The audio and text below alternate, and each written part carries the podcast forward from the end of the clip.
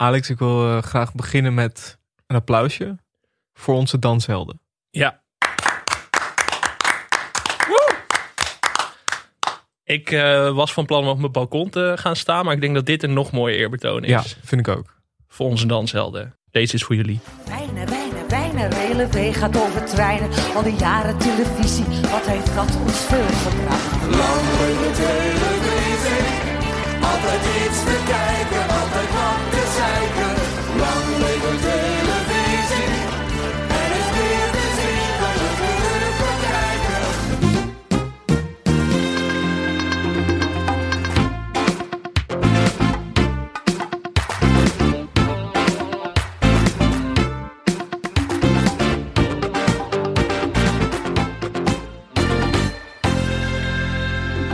Welkom bij Televisie, de podcast over Nederlandse televisieprogramma's. Mijn naam is Michel Dodeman. Tegenover mij in de studio zit Alex Maasreeuw. Ja, Alex, wat een week? Zo. Beste tv-week ooit? Misschien wel?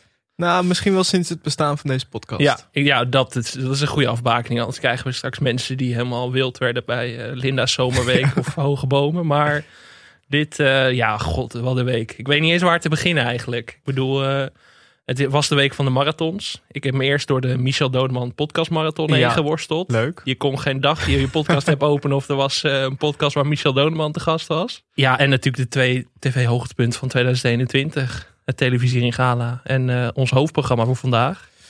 De dansmarathon. Ja. moeten we misschien maar eerst even beginnen met wat we hebben gezien. Namelijk dus het televisiering gala. Er was ook al, nou, brengt ons ook meteen bij het nieuws van de week. Gerard Joling is net als Carlo Boshart eh, eh, woest eigenlijk. Omdat hun tv-show The Masked Singer dit jaar geen kans maakt op een televisiering. Daarom wil Gerard een eigen tv-prijs oprichten. De Gouden Beeldbuis. Of zoiets. Zoiets, dat was even een werknaam. Maar eh, Een werktitel. zie je dat zitten? Nog een tv-prijs? Ja, ik, wat mij betreft kunnen er niet genoeg tv-prijzen zijn. Ik zit gewoon te wachten tot wij ergens worden uitgenodigd voor een juryfunctie. Maar En hoe meer tv-prijs, hoe groter die kans Nou, wordt. maar ja, kijk, als Geert Joling een eigen prijs begint, dan wordt het natuurlijk ook tijd voor de televisie, televisieprijzen. Gaan wij die niet uitreiken aan het eind van dit jaar? ja, misschien wel. Maar dan moeten we ook echt wel een, een fysieke bokaal aan koppelen. Ja, en we moeten nu alvast de prijs aan Gerard beloven. Anders worden wij ook weer Ja. gecanceld door Gerard. Nee, Gerard krijgt gewoon weer een eigen categorie. Eh, maar ja, het televisiering gala. Zo. Heb je gekeken? Ja, het was zeker. natuurlijk, qua timing was het even lastig. Want het begon tegelijkertijd zo'n beetje met de dansmarathon. Ja, dat was wel een klap. Ik had gedacht, televisiering gaan naar de woensdag. Dat was misschien beter geweest. Want Mhm. nu, ik bedoel, ik kon niet tegelijk. Dus ik, ik heb toch een televisiering gala eerst gedaan. Omdat het toch een beetje traditie is in Huizen Mazareel. Ik bedoel, eh televisiering gala is het tv-hoogtepunt van het jaar meestal. Dus dat, daar moet je gewoon voor inschakelen. Maar het was wel pittig. Want op een gegeven moment, op hetzelfde moment stond Martien Meiland... gaf het startschot Ja. voor de dansmarathon. Het, en het was toch lastig kiezen, maar... Ik had het tweede scherm. Heb je het tegelijk gekeken? Ja. Maar kreeg je alle e- Easter eggs ook mee dan wel? Nou, nee, ik heb, ik heb wel... Dansmarathon was het tweede scherm. Ja. Maar die kon ik wel zonder. Er zat ik zoveel reclame in, dus die kon ik ook best wel vaak. Hoefde ik daar even niet op te kijken. Maar dat was wel een opdracht. Dat was wel een opgave. Ja. Wat eh, was je algemene indruk? Begin, het begin was flitsend. Ik vond het eh, bijna on-Nederlands. Ik vond het sowieso wel een goed gala. Er zijn, er zijn ook edities geweest waarvan ik echt dacht: het houdt niet op. Maar ik vond het allemaal best wel snel gaan. Het zat best wel veel vaart in, want het zijn toch een stuk of vijf, zes prijzen, geloof ik. En eh, ja, ik vond het allemaal best wel snel gaan. Wat ik leuk vond, is dat het begon met eh, Goldfinger. Ja. dat nummer. Weet je ook nog toen Jan Smit James Bond moest voorstellen een paar jaar geleden? Dat is een introfilmpje met Jan Smit als Oh, James ja. Bond. Ja, dat was Ja. heel goed. En- oh, dat was een verwijzing daarnaar stiekem ook. Ja, Ja, maar ja, toen ja. hebben ze natuurlijk al een hele James Bond kruid verschoten. Dus het is heel gek dat ze nu dan nog een keer... Maar goed, Goldfinger, kan niet omheen. Gouden ring. Ehm, Wat vond jij sowieso? De presentatie werd verzorgd door Jan Smit en Rick van der Westerlaken. Had je daar nog een opinie over? ja, ik vond het niet zo... Ik vind Rick wel leuk altijd. Maar ik vond hem niet zo heel spannend. Het was een beetje... Het is altijd wel hè, bij het televisiering gaan. Ze zullen nooit eens even een gokje nemen. Nee, dat vind ik jammer. Maar dan ga je toch denken van... Je kan een, een, com- een comedian, een cabaretier doen. Maar dan wordt het... eh, stel je laat Peter Pannenkoek, die natuurlijk één award moet uitreiken. Dan Mhm. denk ik dat de zaal halverwege eh, huilend De weg zou, leeg zou Eh, lopen. Hij had een hele goede speech. En eh, de meeste mensen moesten erom lachen. Nou, maar af en toe benoemde hij ook een elephant in the room. Ik noem Ja. een, eh, een eh, vooravond. Toen kwamen Rens en Fidan in beeld die niet super hard moesten lachen. Nee, dus dat kan eigenlijk ook niet. Want dan moet ik altijd denken aan Theo Maas, die ooit de- op het Gouden Kalveren Gala Ja. presenteerde. Toen zag je ook mensen echt wit wegtrekken. En Ja. ik zag echt... Iedereen behalve Barry Atsma ging daar niet goed op. nee, maar dat is altijd al een ding. Want ik zat te denken, ja, je, je- hè, bij de Oscars is dat ook altijd een beetje een worsteling. Van wie Mhm. doet de presentatie en het mislukt vaker dan dat het goed gaat. Maar ja, misschien heb je toch gewoon echt een personality nodig. Dat mis ik toch een beetje. Geen kritiek natuurlijk op Rick of Jan, maar een beetje... Nee, eh, ja, klopt. Ik denk beetje dat, salty. ja, een beetje, een beetje mix. Een beetje mix. Eén iemand wat, wat degelijker misschien voor een beetje de plichtplegingen. En dan iemand ja, nog wat spannender. Iemand die er wat losser bij is. Misschien Nicky de Jager werd ergens geopperd. Vond ik al een Ja. goede op optie. Zeker. Nou, ik zou Rick en Nicky al een, eh, een leuker duo vinden, denk ik. Sowieso wel ironisch dat Jan Smit dit heel vaak doet, toch? Ja. Jan Smit presenteert sowieso heel veel op Ja. de NPO eigenlijk. Ik weet eigenlijk niet waar dat ooit begonnen is. Nee, ik ook. Ja, misschien het succes van beste zangers. Dat ze elke keer denken. Nu ja, maar van, daar is hij eh, ook ooit mee begonnen. Ja, ja, is, Dat is toch best wel gek eigenlijk. ja, ik weet ook niet waar het van. Maar goed, dat mis ik dus een beetje. Ik miste een beetje eh, joie de vivre in, Ja. de, in de Ja, presentatie. dat wel. Dat wel. Ik vond wel, eh, nou ja, de, de drie programma's, daar hebben we het al eerder over gehad. Best drie opvallende programma's. Namelijk eh, De Kinderen van Ruinerwold, Mokromafia en Een Huis Vol. Mhm. Bij Een Huis Vol dacht ik wel, als alle kinderen stemmen, dan ben je al op de helft. Eh, maar goed, en ja, de uiteindelijke winnaar was dus toch best verrassend. Nou, De Kinderen van Ruinerwold. ik wist eigenlijk na twee minuten al dat ze gingen winnen. Want op, eh, weet je, aan het begin gaan ze dan even vragen hoe het gaat met de genomineerden. Mhm. En aan de kinderen van. Niet, het, werd, ja, het werd dus aan de kinderen van Ruinerwold gevraagd. En ze zeiden van het was precies twee jaar geleden dat een van die kinderen naar buiten ging. Toen Ja. dacht ik, die gaan Ja. winnen. Dat kan niet anders. Nu gaan mensen massaal bellen, stemmen via de website. Nou, maar wij hadden het er van tevoren over. En toen dachten we eigenlijk allebei een huis vol. Ja, dat zegt genoeg over onze voorspellende gaven. maar toen ik dit zag, dacht ik, ja, dit, dit kan niet uitblijven. Dit is echt zo'n zo'n gekke gunfactor van het publiek. Dat zegt, oh, mooi symbolisch, weet je wel. Ik Ja. kan me helemaal voorstellen dat, dat Henk en Marja thuis op de bank zitten en dit zien en denken van, ja, die gun ik het, die kinderen van Ruinewold. Verder, eh, andere winnaars waren De Zomer van Zoe. Ho, ho. Eh, we zijn allemaal winnaars, Michel. ja, dat is waar. Ja, dat is waar. Dat moet Iedereen- even gezegd worden. Iedereen die er was, was een winnaar. Eh, André van Duin won ook. Kijk, daar was ik natuurlijk blij mee met de uitslag. Vond het wel jammer dat alle drie de presentatoren er niet waren. nee, want Arjen Lubach was er ook niet. En Fred van Leer was er ook niet. nee, Het evalueert de prijs toch altijd wel een beetje. Het is altijd als er een van de deelnemers of een van de kandidaten die eh, kan winnen niet is. ja, je krijgt er meestal een foto en hele slechte pixels erbij Ja, en zo. Maar Het dan is- wordt zo'n prijs altijd opeens een beetje breekbaar. Dat Ja. de magie is gewoon weg en dan opeens denk je... Oh ja, je kan ook gewoon thuis voetbal zitten kijken, zeg maar. Of naar de dansmarathon zitten kijken. In Ik denk dat André van Duin gewoon liever de dansmarathon ging Dat kijken. denk ik ook, ja. Dat denk ik ook. Nee, die kon niet. En dan ja, krijg je uiteindelijk een filmpje. Maar ja, kijk, eh, André van Duin kan ook gewoon eh, niks doen. En dan vind ik het ook wel leuk. Ja. Maar toch vind ik het jammer dat, er dan, dat ze er allemaal niet waren. Ja, wat me ook eh, opviel was dat de verdeling van de prijzen een beetje... dat er best wel veel hoofdprijzen al in het begin waren. Zoals de Mhm. televisiester voor beste presentator en beste presentatrice zat al voordat het programma überhaupt op de helft was.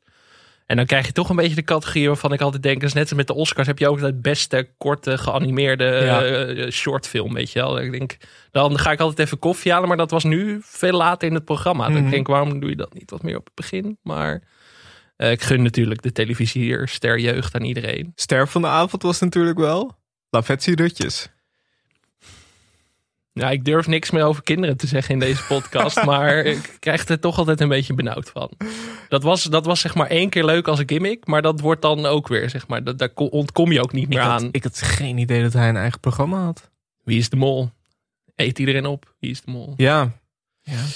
Maar nee, hartstikke leuk natuurlijk, maar gewoon, ja, dat, ja, dat, dat kapsel wordt, dan gaat iedereen weer zeggen van dat dat zo leuk is, maar die take heb ik al, dan al 3000 keer voorbij zien komen, dan word ik daar een beetje, word ik een beetje agressief van. Dan, Ja. ik, dan gaat mijn tegengeluid zich richten op een jochie van negen. Dat misschien zegt ook meer over mij dan over het programma. Maar nee, wel de ster van de avond. Verder won ook Elise Schaap als eh, beste actrice. Ook nog een Ehm. mening over trouwens, want die won voor de derde keer op rij. Misschien Ja. moeten ze daar even iets aan doen. Want dat lijkt me niet heel erg leuk. Ja, Chantal Jans heeft dat natuurlijk ook gehad eh, een tijdje. Dat ze eigenlijk elk jaar, Linda de Mol heeft dat volgens mij ook gehad. Dat ze eigenlijk elk jaar wel iets won. Chantal Jans heeft hem volgens mij zes keer gewonnen. En die heeft nu zelf gezegd dat ze niet meer verkiesbaar is. Ja, Dat vind ik altijd toch. zeg maar, ik vind het op zich goed van haar, maar dat is wel een teken dat er iets niet goed gaat met je. Ik zou zeggen, het mag wel een maximum. Drie, drie vind ik toch wel. Kijk, zeg maar, als wij over vijf maximum. jaar vijf keer achter elkaar de Dutch Podcast Award hebben Ja. gewonnen, dan moeten wij misschien ook zeggen van jongens, Dan moet je zelf leuk. ingrijpen. Dan moeten we zelf ingrijpen. maar, Maar, ik vind eigenlijk dat dat van hogerhand moet worden gedaan. dat denk ik ook, want het is, als we eerlijk zijn, verdient Erik de Vogel deze prijs natuurlijk gewoon Ja. voor GTST. En die krijgt gewoon niet die kans als de Elise Schaap fanclub elk jaar de overhand neemt. Dus even een puntje van kritiek. Eh, verder waren ook onder meer eh, Jesse Klaver en Rob Jetten aanwezig om een prijs uit te reiken. Puur op basis van een bromance op TikTok. Ja, nou ja, ze, ze, ik vond het ook wel weer echt leuk gedacht. Dat ze dachten van zo, zo halen we de jonge kijkers erbij. Ja, ja, ja, laten we twee politici invliegen. Ja, dat was, eh, dat was leuk. Dat was ongelukkig, want Jesse Klaver...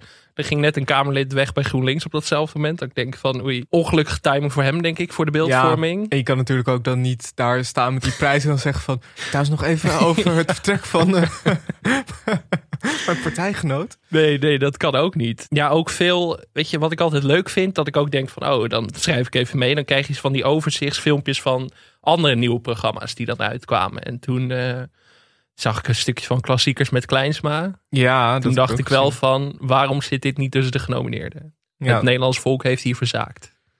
Toch even een puntje van orde. Volgend jaar verwacht ik een nominatie. ja, of als beste presentatrice. Dat mag Ja. natuurlijk ook Simone. Zeker. Simone mag eigenlijk alles winnen. Beste Ja. actrice, beste programma, beste presentatrice. Verder zagen we nog eh, Joris Linsen, die een soort remake, korte remake van Taxi deed.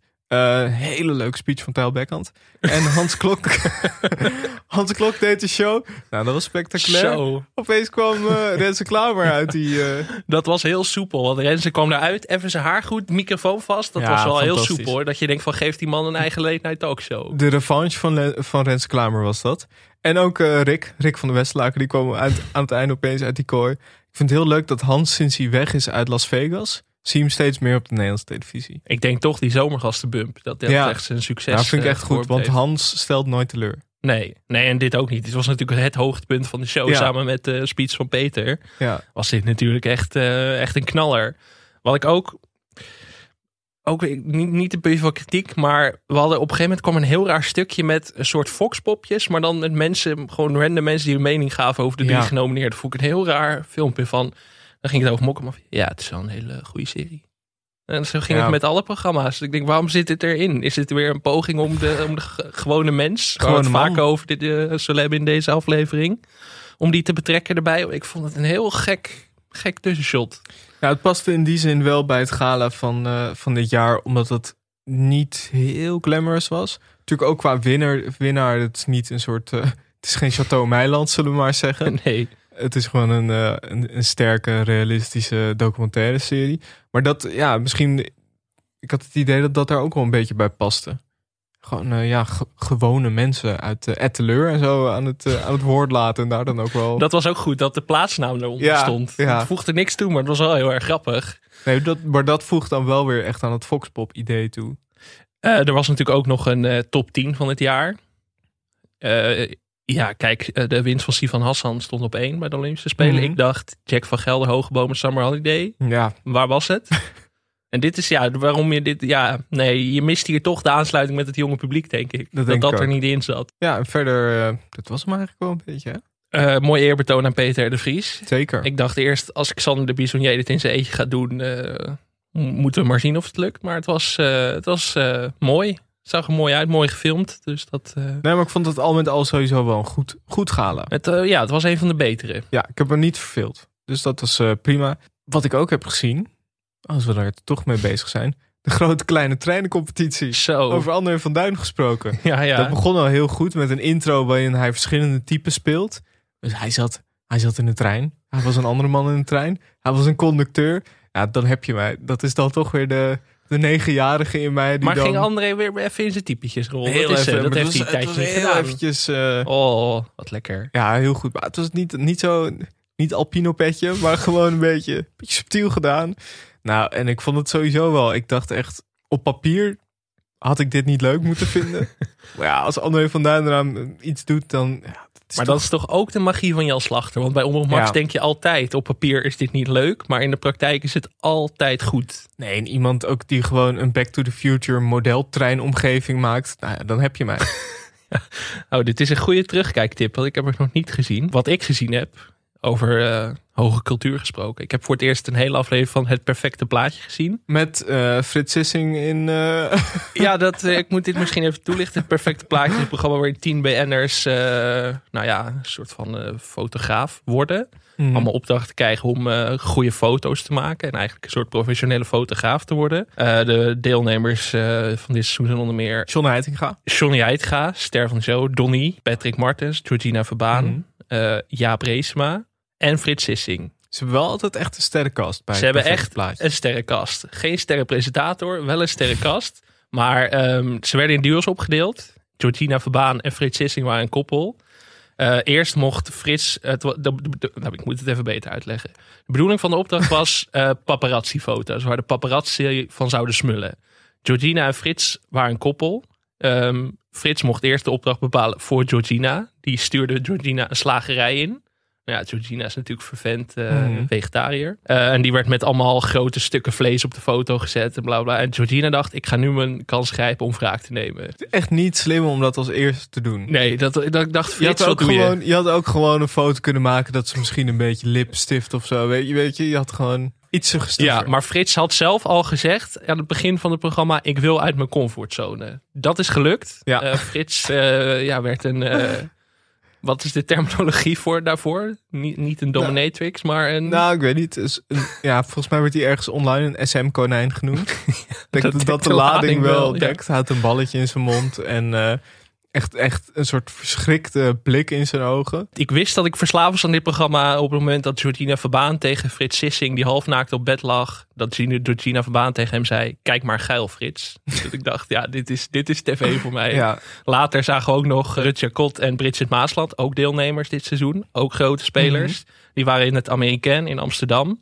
En die eh, moesten dus diezelfde opdracht doen. En ze gingen op een gegeven moment een beveiliger vragen. En toen eh, maakte Bridget de foto van Rutger Kot terwijl ze met haar hoofd bij het kruis van die beveiliger zat. En ik dacht vooral bij die beveiliger van...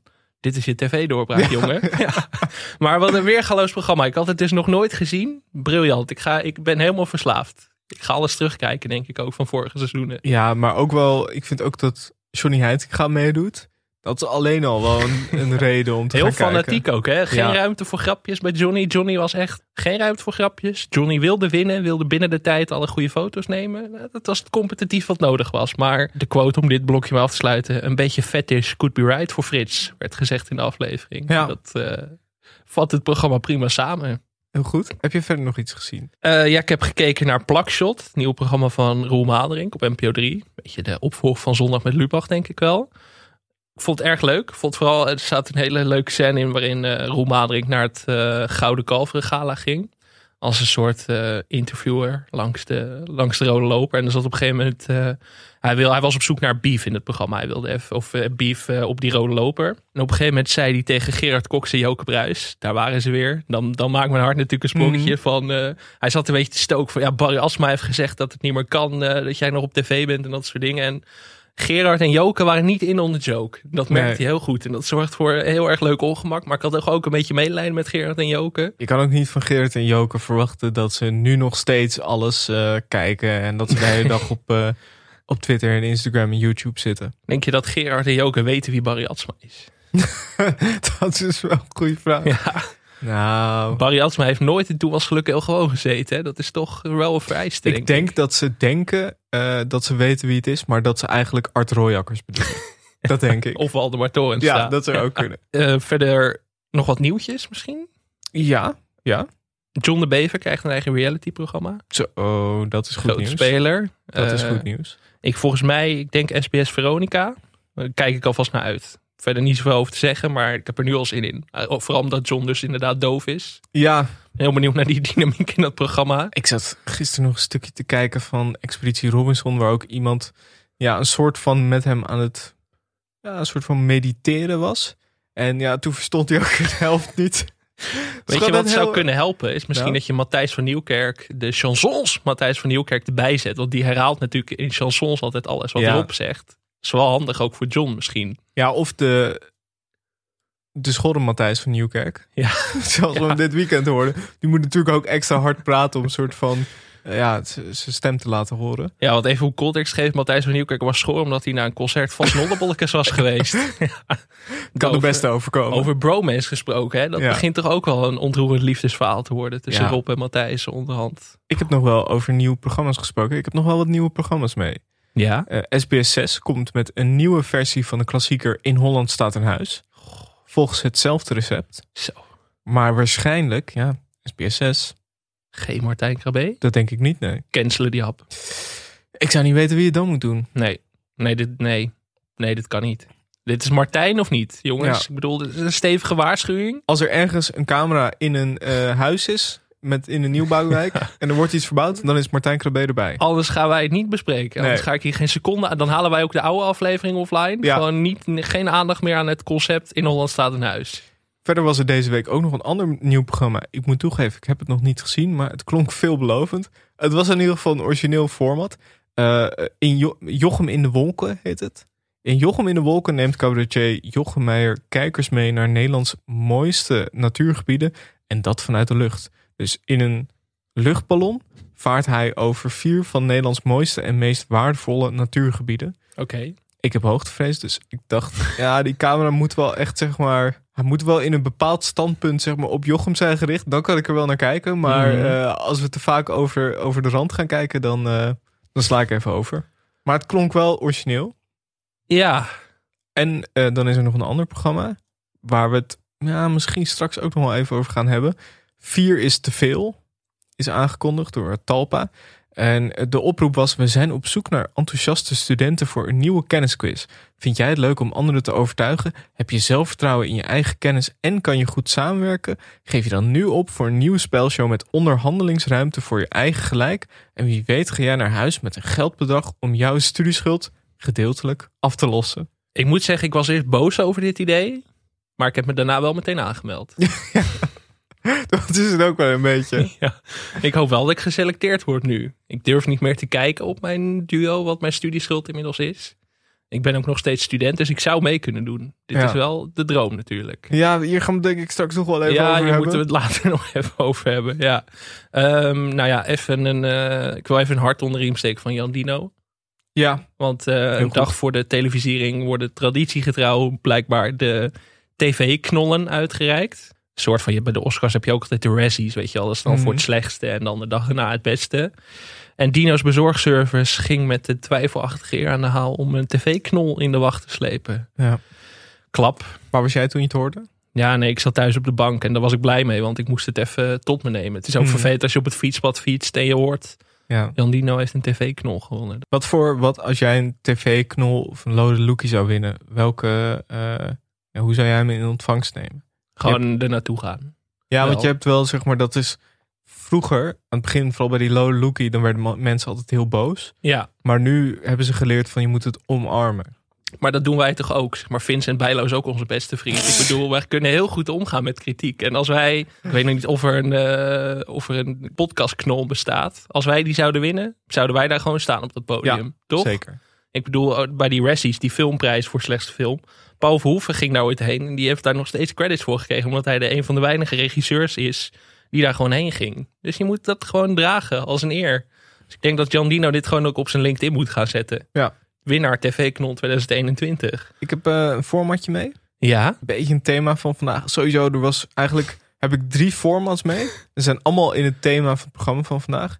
De, eer- maak ik me zorgen. de eerste is de denkmarathon. Ja, 100 koppels worden uitgedaagd om 50 uur lang na te denken over de grote vragen in het leven. Scheidsrechters zien erop toe dat ze wel echt aan het nadenken zijn. eh, met tussendoor optredens van grote denkers zoals Bas Heijnen, Maxime Februari, et cetera. ja.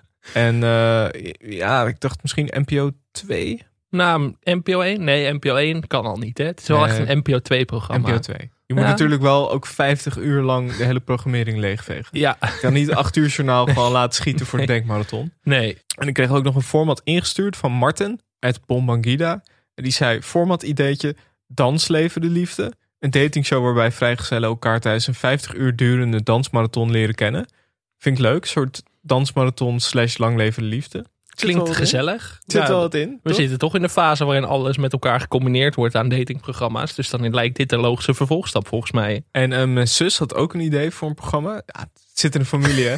Ja, Dodeman, Dodeman Format Academy. Eh, ik draag die niet alleen. Dat doet mijn zus ook de aan mee. Murdoch family van de Nederlandse polder. Ja. En zij had een idee voor een programma waarin we kijken eh, naar de deelnemers van de dansmarathon na hun deelname. Dus eigenlijk gewoon een soort documentaire serie over die eerste dagen van hoe gaat het met ze, eh, hoe zijn hun bezoekjes aan de podoloog en de eerste hulp en eh, moeten ze naar een psychiater. ja, nou daar moeten we het sowieso straks over hebben. Want ik miste ook sowieso iets van een afterparty. Dat had, had Ja. ik nodig. Maar Ja. dat moeten we het straks maar even uitgebreid over hebben. Ja, de ruzie van deze week had jij, heb je al kort aangehaald. Gerard Joling, Ja. woedend. Mediarel van de week. Ehm, dus ehm, ja, veel meer heb ik niet in dat opzicht. Sorry, heb Ja, ik je hebt het gras voor mijn eh, voeten. ja, kijk, er, er is natuurlijk altijd een backup waar Angela de Jong bij betrokken is. Een stukje Jinek te kijken waarin eh, Angela de Jong ruzie kreeg met Carlo Boshart over televisiering, nominaties. En dat er, Angela zei, mensen zijn gewoon klaar met banners. En dat vond Carlo niet leuk. Nee, maar Carlo is er natuurlijk. En Carlo, ze zijn bij BN'ers. Ja, ja Angela is zelf ook een Ja. banner. Dus dat, dat is wel mooi ironisch. Hey, dan gaan we naar het eh, blokje luisteraarspost. Eh, veel berichten deze week. Ed Durpstep, die zei via Twitter eh, over de vorige aflevering. Top aflevering met als hoogtepunt de close read van het afgelopen... Of nee, van het 70 jaar televisielied. Wel nog op zoek naar wat duiding van de cameo van een logo logopedist van Rutger... in de clip van Said, de partyassistent. Jezus, wat een tweet. Kwam er helemaal niet uit.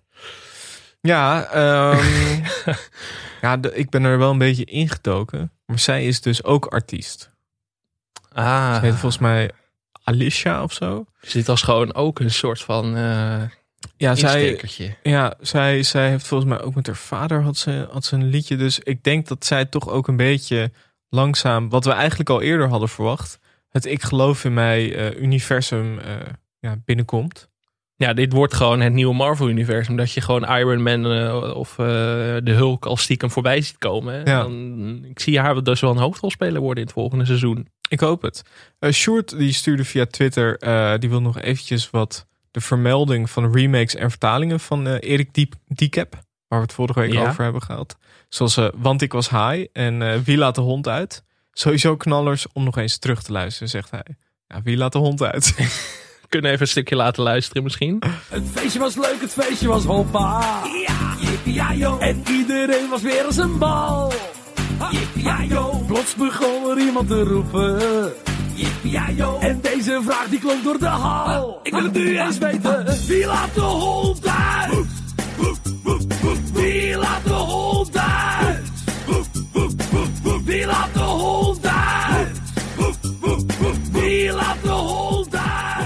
Frank van Neerven die eh, stuurde zijn draadje op Twitter over Baantje is leuk. Maar er hoort natuurlijk een lange special over te komen. Of anders misschien een filmje over Baantje, de wraak zonder einde.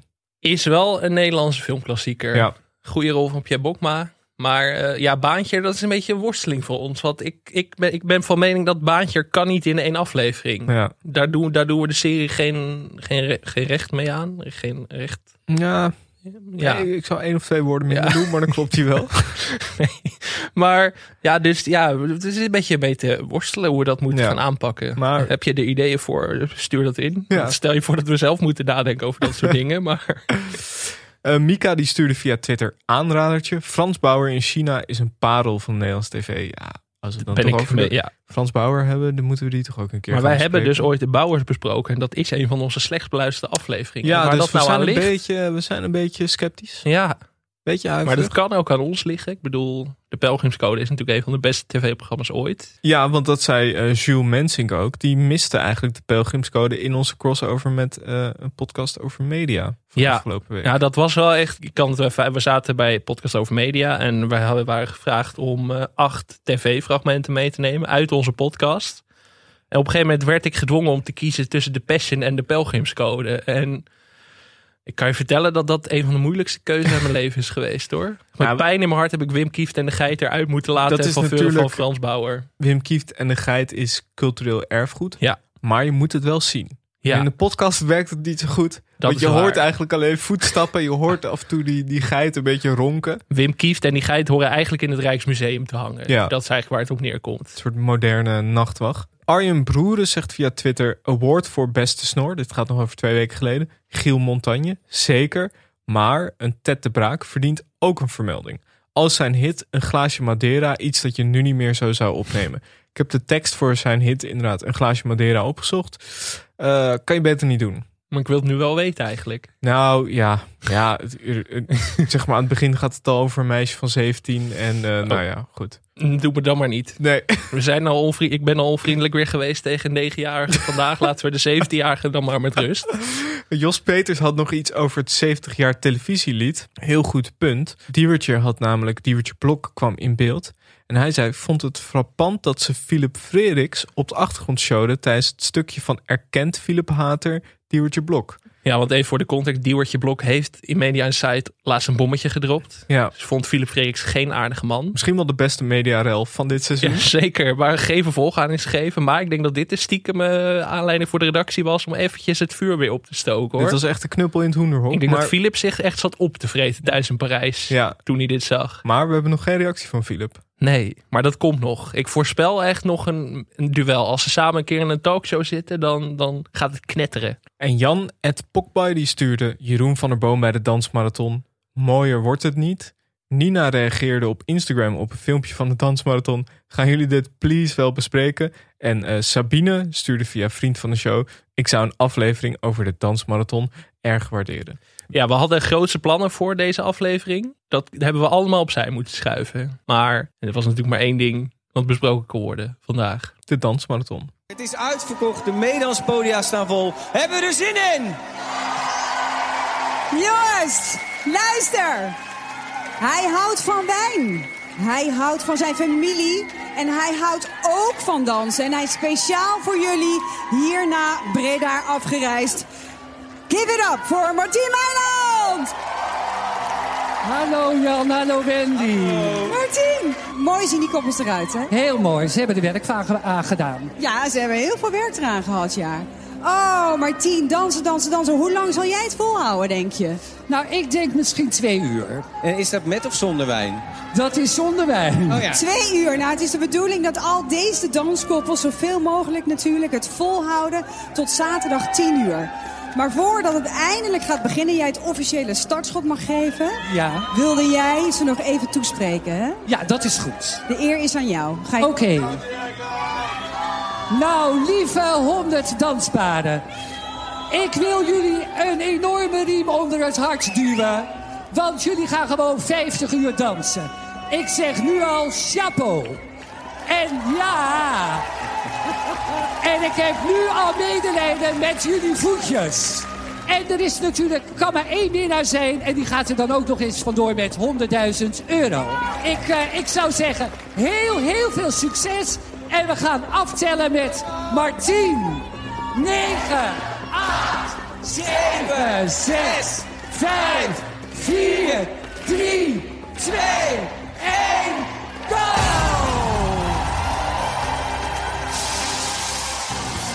De Dansmarathon is een dystopisch dansspektakel van SBS6 waarin 100 koppels proberen om 50 uur achter elkaar te dansen. De koppels mochten slechts beperkt pauze nemen en scheidsrechters zagen erop toe dat de dansers niet te lang stilstonden. De winnaars werden uiteindelijk Tawata en Jermaine, die slechts 35 minuten pauze namen en daarmee 100.000 euro bruto verdienden. Deelnemers dansten niet alleen voor de geldprijs, maar ook voor het Longfonds. En het programma werd omlijst door optredens van bekende artiesten als Gerard Joling, René Vroger en Marco Borsato. Vergeet René Kars niet eh, in deze context. René Leblanc ook. God, de dansmarathon. we, Hier hebben is het er, tv-geschiedenis we geschreven. hebben het er al eerder over gehad. En toen had ik niet door wat dit ging worden. Nee, toen jij dit ook vertelde, eh, was ik met mijn gedachten ook heel erg zand. Ik zat al van, wat ga ik lunchen vandaag? Wel, ik dacht van, dit is weer zoiets wat Michel dan meeneemt. En Nee. waar dan op een gegeven moment honderdduizend mensen naar kijken. En dat dan voorgoed in de vergetelheid raakt. Maar ik moet je hier de credits geven. Jij, jij zat er wel bovenop. Ik, ja, televisie, kijk, eh, ik trek het wat breder, was hier misschien wel als eerst bij. Ja, voor, denk ik als eerste door. voordat alle hyena's erbij kwamen, Ja. waren wij al, zaten wij op het goede spoor. En wij, hoeveel uur heb jij in totaal gekeken, denk je? Echt te veel. Ja. Nou ja, te veel en te weinig. Ja. zeg maar achteraf. Ja, want ik vond het echt vervelend als ik moest gaan slapen ook. Ja. Dat ik dacht van ja, ik kan ook nog gewoon twee uurtjes doorkijken. Ik had meteen al tijdens de televisiering gaan dat ik hem dus op het tweede scherm had. En toen, nou, er was één moment toen zag ik Frans Bauer eh, dansen. En die zong een liedje, dat heet volgens mij Doe Nou Niet. En eh, ja, tussendoor zag ik Wendy en Jan Versteeg ook dansend langs alle eh, deelnemers gaan. En toen dacht ik al, ja, hier zit wel wat in. Als Ja. dit zo nog 50 uur doorgaat. Ja, wat even voor de duidelijkheid, het explodeerde pas echt eigenlijk eh, bij de grote finale. Het laatste uur keek iedereen opeens voor mijn Ja. gevoel. Daarna wa- was er nou een groepje Het was, soort, diehards op Twitter. het was een soort Big Brother waar Ja. eh, livestream. Maar Dus- dan wel spannend. Ja, zullen we even door het, door, door het reglement gaan? Want dat is Ja. misschien wel belangrijk. Ook denk je wel echt door de volle 50 uur gaan qua plotwendingen en zo. Maar dan, Nou, want bij het reglement, er stonden best wel wat eh, vreemde dingen in. Aparte dingen in.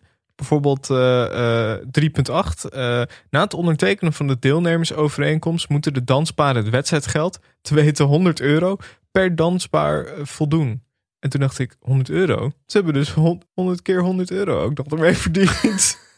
Want je denkt natuurlijk van, nou ja, eh 100.000 euro eh, betaalt Talpa dan. ja. Nou, dat is al bruto. Dus eigenlijk in de, in de praktijk is het al wat minder wat je Mhm. binnenkrijgt. Maar je hebt er ook nog 100 euro voor betaald om zo lang te mogen dansen. Dus de mensen die zeg maar 49 uur echt de bladen van hun voeten hebben gedanst en niks hebben gewonnen, die mogen dus en niet naar Disneyland Parijs en die hebben er 100 euro voor betaald. Dat is toch heel gek? ja, dit is ik had dit ook niet gezien. Maar dit is vrij absurd. En over de, de rusttijd. Ehm, een danspaar krijgt gedurende de wedstrijd maximaal 5 uur, oftewel 300 minuten rusttijd. Ehm, deze rusttijd kunnen ze zelf invullen. Dus ze kunnen bijvoorbeeld eh, behandelingen van de fysiotherapeut, podotherapie, artsenbezoek, eh als mede eten en drinken, toiletbezoeken, schoenen wisselen en dergelijke. Ehm, je mag maar maximaal 90 minuten aan één gesloten van een slaapplek gebruik maken. En vanaf zaterdagmiddag 4 uur mochten ze, geen, eh, mochten ze niet meer slapen. Ja, we moeten het later in de uitzending even hebben over de, de mogelijke kritiek op dit programma. Maar dit, eh, dit bouwt wel op naar iets. Ja, eh, er waren ook nog andere. Want je zou zeggen van nou ja, 50 uur dansen. Daar zijn ook nog regels voor. Je moet dus, zoals ze dus zeggen, actief bewegen op het ritme van de muziek. Relatief simpele bewegingen, zoals lopen of heen en weer, heen en weer wiegen, zijn niet actief genoeg. De dansers dienen altijd door te blijven dansen, ook als de muziek wegvalt. Ze mogen niet met hun volledige lichaam op Ja, de dansvloer Vond ik liggen. ook een hele goeie, ja. Dat- Wel een dat is klap zitten. als je een breakdancer bent. Ja. Je moet 50 uur dansen. En wat ik ook nog wel opvallend vond is, indien geen van de dansparen eh, de 50 uur haalt, zal de prijs, geschreven met de hoofdletter, niet worden uitgereikt. Die gaat dan gewoon naar Jan Verstegen en Wendy van Dijk. Ja, Ja, ja. Ja, maar, ja, er zitten wat sadistische trekjes in. Ik had nog een paar andere dingetjes opgeschreven. Het is niet toegestaan om van partner te wisselen gedurende Nee, de wedstrijd. nee. Verstandig, want stel je voor dat het één grote swingersorgie wordt op die dansvloer. Dat moet je natuurlijk ook zou niet zeggen, hebben. dat geeft toch ook misschien een beetje extra energie, een beetje extra spanning op de dansvloer. Ja. Mag niet. De deelnemers in een danspaar staan altijd bij elkaar, maar hoeven elkaar niet per se vast te houden. Dat vind ik humaan. Ja. Het was vervelend geweest dat je ook nog elke keer eh, zeg maar, elkaar had moeten knuffelen. Nee, dat hoeft niet. Dat hoeft gelukkig ook nee, niet. daar Dus- laat John de Mol zijn menselijke gezicht zien. Precies. Doping mag ook niet. En bij onsportief eh, gedrag word je gekwalificeerd. Ik dacht wel, wat valt daar dan onder? Ja. Onder onsportief gedrag? Maar en wat, wat verstaan Shirtje ze onder- vasthouden. Elleboogstoot. Eh, regel 4.1.19. Deelnemers mogen hun behoeften alleen in de toiletruimtes doen. Goed dat ze dat even hebben afgekaderd ja, van tevoren. anders wordt het een rotzooi op die dansvloer. Er was ook nog wel, dat stond dan... Nou ja, dat stond ook in het reglement. Daar schreef RTL Nieuws ook over. Ehm, op social media verwonderen kijkers zich erover... dat eh gay koppels niet mee mochten doen. En Talpa zei dat dat was vanwege fysieke verschillen tussen mannen en vrouwen. Dus er deed ook wel een eh, gay koppel mee... maar de mannen mochten niet met elkaar dansen. Dat was al vrij absurd. Ik zag dat ook voorbij komen. En toen kwam al snel het door van... Ja, dat heeft met fysieke dingen te maken. Maar het is- staat wel een beetje lelijk. Het is, Ja, eh, maar ik vind het ook, ja. Ze moeten allemaal 50 uur dansen, toch? is Ja. toch niet of je als man of als vrouw dat veel makkelijker heel lang kan En volhouden? een van de mij. winnaars, of in ieder geval de top drie bestormers, waren mensen van boven de 60. Die hebben Ja. toch in principe ook minder fysieke kracht dan de stel van in de 20, zou je moeten zeggen. Dus die fysieke ongelijkheid is er toch sowieso al. Ja, het was... Heel eh, merkwaardig. Ik vond dit ook wel leuk. Eh, mocht er iets met je kleding of schoenen gebeuren, zoals het losgaan van je veters, moet dat op een dansbare manier opgelost worden. Wanneer heb jij voor het laatst dansbaar eh, gedanst? ik sta altijd te dansen als ik mijn veters aan het strikken ben. Lekker, lekker die heup los, weet je wel. Dat vond ik ook heel leuk bij het programma. Dat soms dan werden ze geïnterviewd door een van de presentatoren. Bijvoorbeeld Wendy van Dijk. Dan sta je al 49 uur te dansen. Word je geïnterviewd door Wendy van Dijk. Dan, ja, je, je natuurlijke soort van reactie is om dan even stil te staan. En zegt Wendy steeds, wel even blijven bewegen. Kijk, ik ben niet zo bezig met, eh, met politieke agenda's en dat soort dingen. Maar ik ben wel echt marxist geworden toen Wendy van Dijk na 49 uur dansen tegen iemand zei... Maakt niet uit dat je kapot bent. Wat 100.000 euro! En Ja, toen dacht ik echt, dit is volgens mij het eindstadium van het kapitalisme. Dat Ja. Wendy van Dijk in je oor staat te schreeuwen dat je door moet gaan voor een bedrag wat zij nou in drie maanden verdient waarschijnlijk. ja Het, eh, verschrikkelijk. Nou, Ja. minder nog, want dit is ook nog bruto. ja, ja, dat sowieso, als we het dan toch over de geldprijs hebben, was echt veel te laag. Dat, Ja. dat kon echt niet. Dit had een miljoen moeten zijn, minimaal. Mensen waren een soort van aan het hallucineren, aan het huilen. Hun voeten waren kapot. Iemand ging knock-out. Er werden mensen in rolstoelen. Dit was echt niet de 100.000 bruto. Dat kan je echt niet maken. Zeker als je eventjes het kapitaal achter Talpa in eh, gedachten neemt.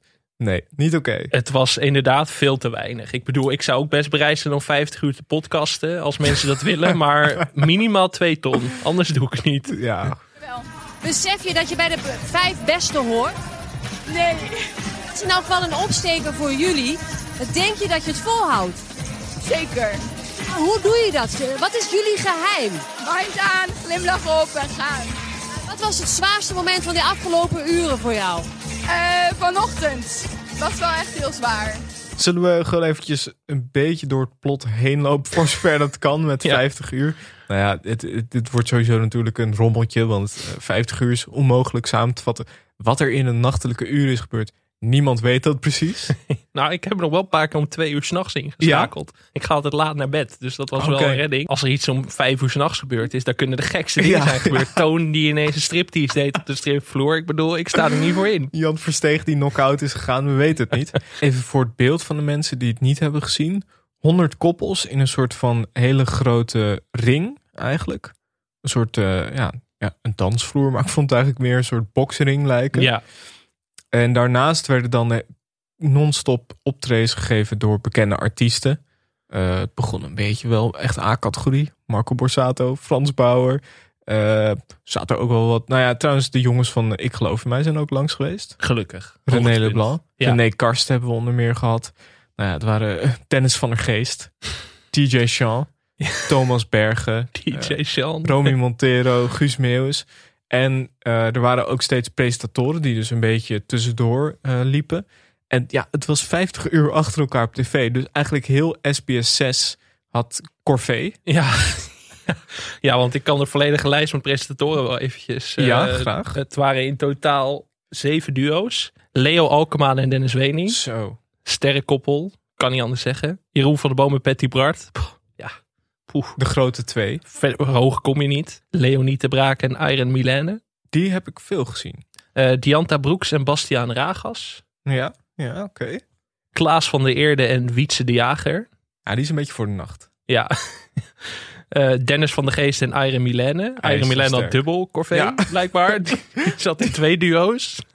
En in blokjes van vier uur deden ze dit, hè? Ja, ja, dit was ook hard werken. Ja. Ik was wel jaloers op ze. Ik had het ook wel willen doen. Ja, dit is Van één blokje Alex Mazer en Michel Dodeman had ik wel leuk gevonden. had niet misstaan hoor, ergens in En de natuurlijk eh Toos Karagas en eh, Winston eh Gerstanovic. Gerstanovic. Gerstanovic. Ja, ik zeg gewoon elke keer ja. Ja.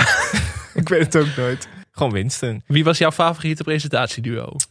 Ja, toch wel de OG's. eh Wendy van Dijk en Jan Versteeg. Die waren er natuurlijk begin en einde bij. Zij waren wel echt het power koppel dat eigenlijk uitverkoren was. Maar het kwam natuurlijk ook omdat zij... Ja, zij hadden de beste spots. Ja, zij werden wel een beetje als de A-sterren gepresenteerd. Ja, ik denk dat Linda de Mol had geen zin, denk ik. Nee, dat denk ik ook niet. Die is Dat toch te groot voor dit dan. Hè? Dan kom je toch bij Wendy van Dijk uit. Nee, en tussendoor waren er ook een soort van analyses Ja. eigenlijk van de presentatoren. Bijvoorbeeld eh, van Dennis van der Geest. Die dan zei, staptik is uit een boze. Dat soort eh, dingen. En die mensen werden echt een soort van geanalyseerd. Bijna op een soort Dat vond ik ook een beetje zo Big Brother. Het had, het had iets van een voetbalanalyse, maar het had ook iets heel eh, Black Mirror-achtigs. dat ze zo van eh, danskoppel 89 eh, gaat nu wat eh, beter. Ja.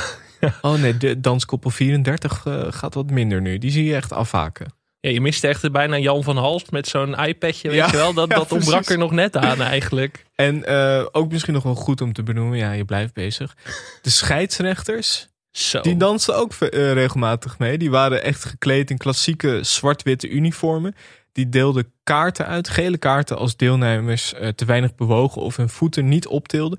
En wie drie gele kaart kreeg, werd keihard verwijderd. Ja, dat waren wel echt de antagonisten, de, de, de bad guys en de bad girls van dit spel. Hè? Ik dacht ook de Ja. hele tijd van, wie, ze- wat doen zij in het dagelijks leven? Ik dacht sowieso boa's. Dit Ja. zijn mensen die in het dagelijks leven boa zijn. Fietscoaches. Ja. Die dan zo, dat je zo heel erg haast hebt. En dan fiets je zo richting het station en zegt ze, eh, meneer, Ja. meneer, meneer, mag we, ja, even afstappen. Ja, precies dit. Dat echt mensen die zeg maar niet de macht krijgen in het dagelijks leven, dus dan maar dit ernaast gaan doen. Maar ze Eh, konden wel dansen. Sommige mensen, eh, sommige daar ik wel sympathie voor. Mensen die vrolijk meedansten. Ja. Maar sommigen hadden echt zeg maar Nee, die zaten, serieus. die zaten op die hoge stoelen als Ja. soort van umpires of zwembadmeesters eigenlijk. En die waren echt gewoon alleen maar aan het kijken. Maar er waren ook een paar die waren wat menselijker en die waren inderdaad een beetje aan het meedansen. Ja, maar ik kreeg echt een hekel aan de aan echt die de plezier uithalen om die kaarten te trekken. Dat was wel echt, echt gevaarlijke af bijna. Nee, ik ben, ik ben dan wel, zeg maar, bij de dansmarathon eh, van, ja, gewoon doorspelen. Lekker doorspelen. ik ben een beetje de Bas Nijhuis. Gewoon lekker doorspelen. Weinig mag, mag best fysiek worden. Ja. Gewoon lekker doorgaan. En eh, voordat je nu denkt van, hé, hey, eh, maar gaat het echt alleen maar om eh, geld, zeg maar? Maar aan de marathon is ook een loterij gekoppeld. En van elk verkocht lot gaat 40% naar een goed doel. Het Longfonds. Had het iets met de vriendenloterij te maken? Dat werd me niet helemaal duidelijk. Nee, dat was een beetje. Maar ja, dat is natuurlijk typisch vriendenloterij. Die altijd een beetje op de achtergrond. Zo van, Ja, ik eh, vind dat de presentatoren dat vaker hadden moeten benadrukken. Ja. Want het bleef toch een beetje in het ongewis. Ik denk van Bangiro loterij, Postco loterij of vriendenloterij. Het werd niet echt benoemd. Dat, Nee. dat miste ik toch. Jammer, jammer. Eh, wat er ook nog steeds gebeurde is dat er af en toe een sirene afging. En dan moest iedereen meedansen met I Got A Feeling. Met een bepaalde choreografie. Dat vond ik zo bizar. Nou, niet alleen I Got The Feeling, toch ook dat liedje van Ja. Ja.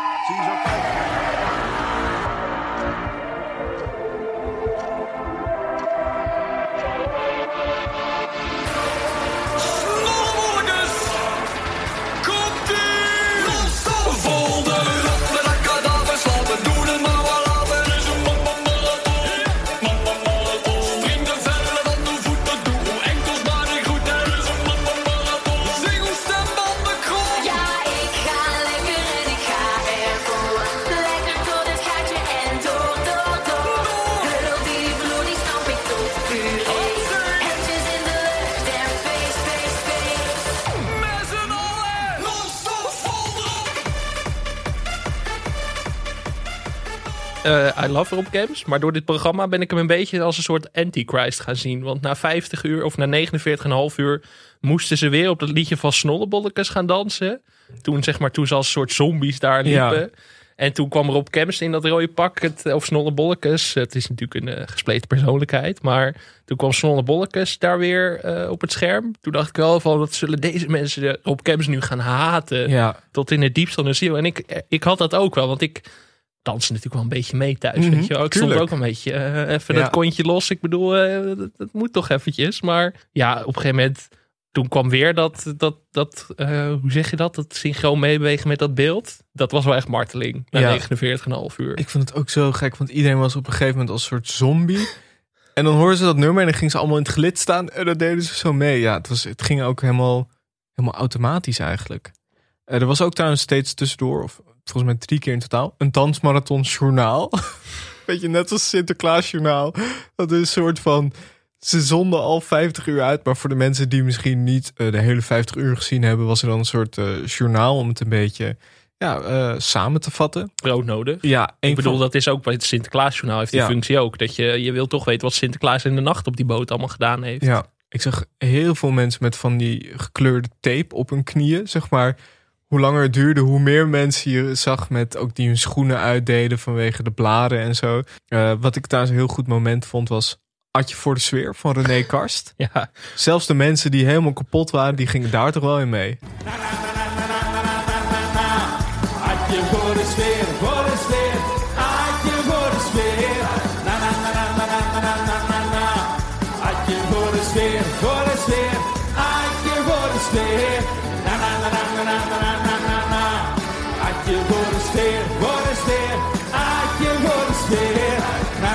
na na na voor de sfeer. Voor de sfeer, voor de. Ja, het was ook gewoon die hele diversiteit in muziek was heel erg leuk. Want je moet ook wel. Ik bedoel, je moet 50 uur. Ja. Je kan niet alleen maar If I Tell You draaien natuurlijk. Maar het ging echt, eh, volgens mij Xander de Bisonnier kwam ook weer langs. Maar toch hou me vast. En dat is toch een beetje trager. Ja, maar ik vind wel, als je een ballad gaat zingen, dat vind ik een beetje oneerlijk. Haalt de flow er ook heel erg Ja, uit, snap ik. Het is geen er- schuifelfestijn. het is een dansmarathon. Dat mocht ook niet. Je Nee. mocht niet op elkaar leunen. Nee, dus dat vond ik echt valspelerij. Dat was echt van, we gaan nu even wat deelnemers eruit jagen. Ja. Nee, maar helemaal het laatste uur, dat werd dan ook heel trots aangekondigd, volgens mij door Jan Versteeg. Die zei, het laatste uur doen we alleen maar floor fillers. Dus dat zijn echt de nummers waarop je lekker los kan gaan. Ja, ik dacht, ja, eh, waarom niet gewoon 50 uur eh, floor fillers? Ja, Af en toe tussendoor opeens zo'n ballad, daar kan je toch niks mee? nee, want je, je hebt toch de, de Grease eh, dingetjes nodig. Ja. Wel, de Grease liedjes. Dan, dan ga je, dan denk je ook van, dan zit ik zelf ook, dus ga ik weer los. Maar ja, bij Hou Me Vast of dat soort liedjes denk ik toch van, nou, misschien is dit niet het beste idee. Nee, en tussendoor eh, werden er ook steeds ja, dingen, eh, zeg maar persoonlijke feitjes of weetjes Ja, van, de, van de deelnemers in beeld gebracht. Bijvoorbeeld studeren eh, samen creative business of willen op reis. En het, ja, er zat vaak ook een soort van, was, het voelde een beetje net zoals we wat we vorige week hadden met Take Me Out. Af en toe een beetje zo'n willekeurig eh, ja, feitje in beeld. Soms ook wat ze dan met het geld wilden doen. Ja, dat was heel gek, want bij sommige mensen stond echt, stond echt hun doel onder in beeld. Maar bij sommige mensen was het inderdaad, dansen is hun uitlaatklep. Ja, ja, ja. ja. Waarvan ik al dacht, ik denk dat dat nu niet meer het geval is. Na 50 uur, Nee. dat dansen niet meer een uitlaatklep is. Cruciale achtergrondinformatie. Eh, er waren natuurlijk ook veel interviews tijdens het dansen door. ja, Diepte-interviews. dat was heel goed. Allison, meisje. Meisje, meisje, meisje. De tranen stromen over je wangen. Stem is weg. Waarom ben je, waarom ben je zo aan het nou, huilen? Maar waarom lopen je traanbuisjes zo leeg? Dat ik last van mijn knieën heb. Maar ik wil niet stoppen. Toch heb je het zwaar. Ja. Waarom ga je dan door? Wat zegt u? Waarom ga je door? Omdat ik gewoon voor mijn familie dit wil doen. Maar zijn dit pijntranen? Wat voor tranen zijn dit? Sorry? Wat voor tranen zijn dit? Pijn. Gewoon pijn. Hoe hou je het dan nog vol? Hoe doe je dat? Gewoon doen. En gaan met hem. Want wat voor steun heb je aan hem dan? Veel. Hoe doet hij dat dan? Hij motiveert me gewoon door blijven gaan. En als het echt niet kan, dan gewoon stoppen. Eh, eh, waarmee ik meteen op een van de grootste klachten ook over het programma kom. Eh, ik miste een beetje empathie. Ja, Je miste ja. die arm om de schouder. Die, die had ik nodig, want er was heel veel onbegrip. Ik had soms het idee dat de dansers dachten van... wat stel je me nou voor vragen? Ja, maar het was ook wel. Er zaten momenten tussen. Dat zit iemand te, te huilen en dan vraag je: Ja. wat zijn dit voor tranen? Ja. Pijn, gewoon pijn. En zo, oh ja, ja. Ja, dat, dat was wel echt een- bijna nog de meest hallucinante tv. Maar ik denk dat dat misschien een beetje kwam omdat die presentatoren de hele tijd natuurlijk gewisseld werden om de vier uur. Die kwamen er lekker fris in, die hadden lekker geslapen, koffie gehad. En die dachten van, eh, nou, eh, wat is hier allemaal gaande? En dan zie je mensen die mentaal en fysiek helemaal kapot waren. Ja, dat was een beetje een eh, mismatch. Ja, er was wat meer empathie nodig Ja, bij de presentatoren. ja, ja. Ik zit nu te denken aan wie. Eh, Nou ja, ik vond het vooral aan het einde dat het wel heel erg was. Inderdaad, wat jij ook zei, dat van maar 100.000 euro. Zo van ja, kom op, je hebt maar 49 uur gedanst. Stel je niet zo aan. nee, Wendy van Dijk liet geen emotie toe. Nee. Dat was wel... Nou, ze zei wel, zeg maar, buiten de dansvloer af en toe van ja, ik ben hier niet voor gemaakt. En ja, toch gewoon doorgaan. Eh, ze had wel een beetje medelijden met onze danshelden, zoals de commentatoren, eh, eh, commentatoren ze vaak noemden.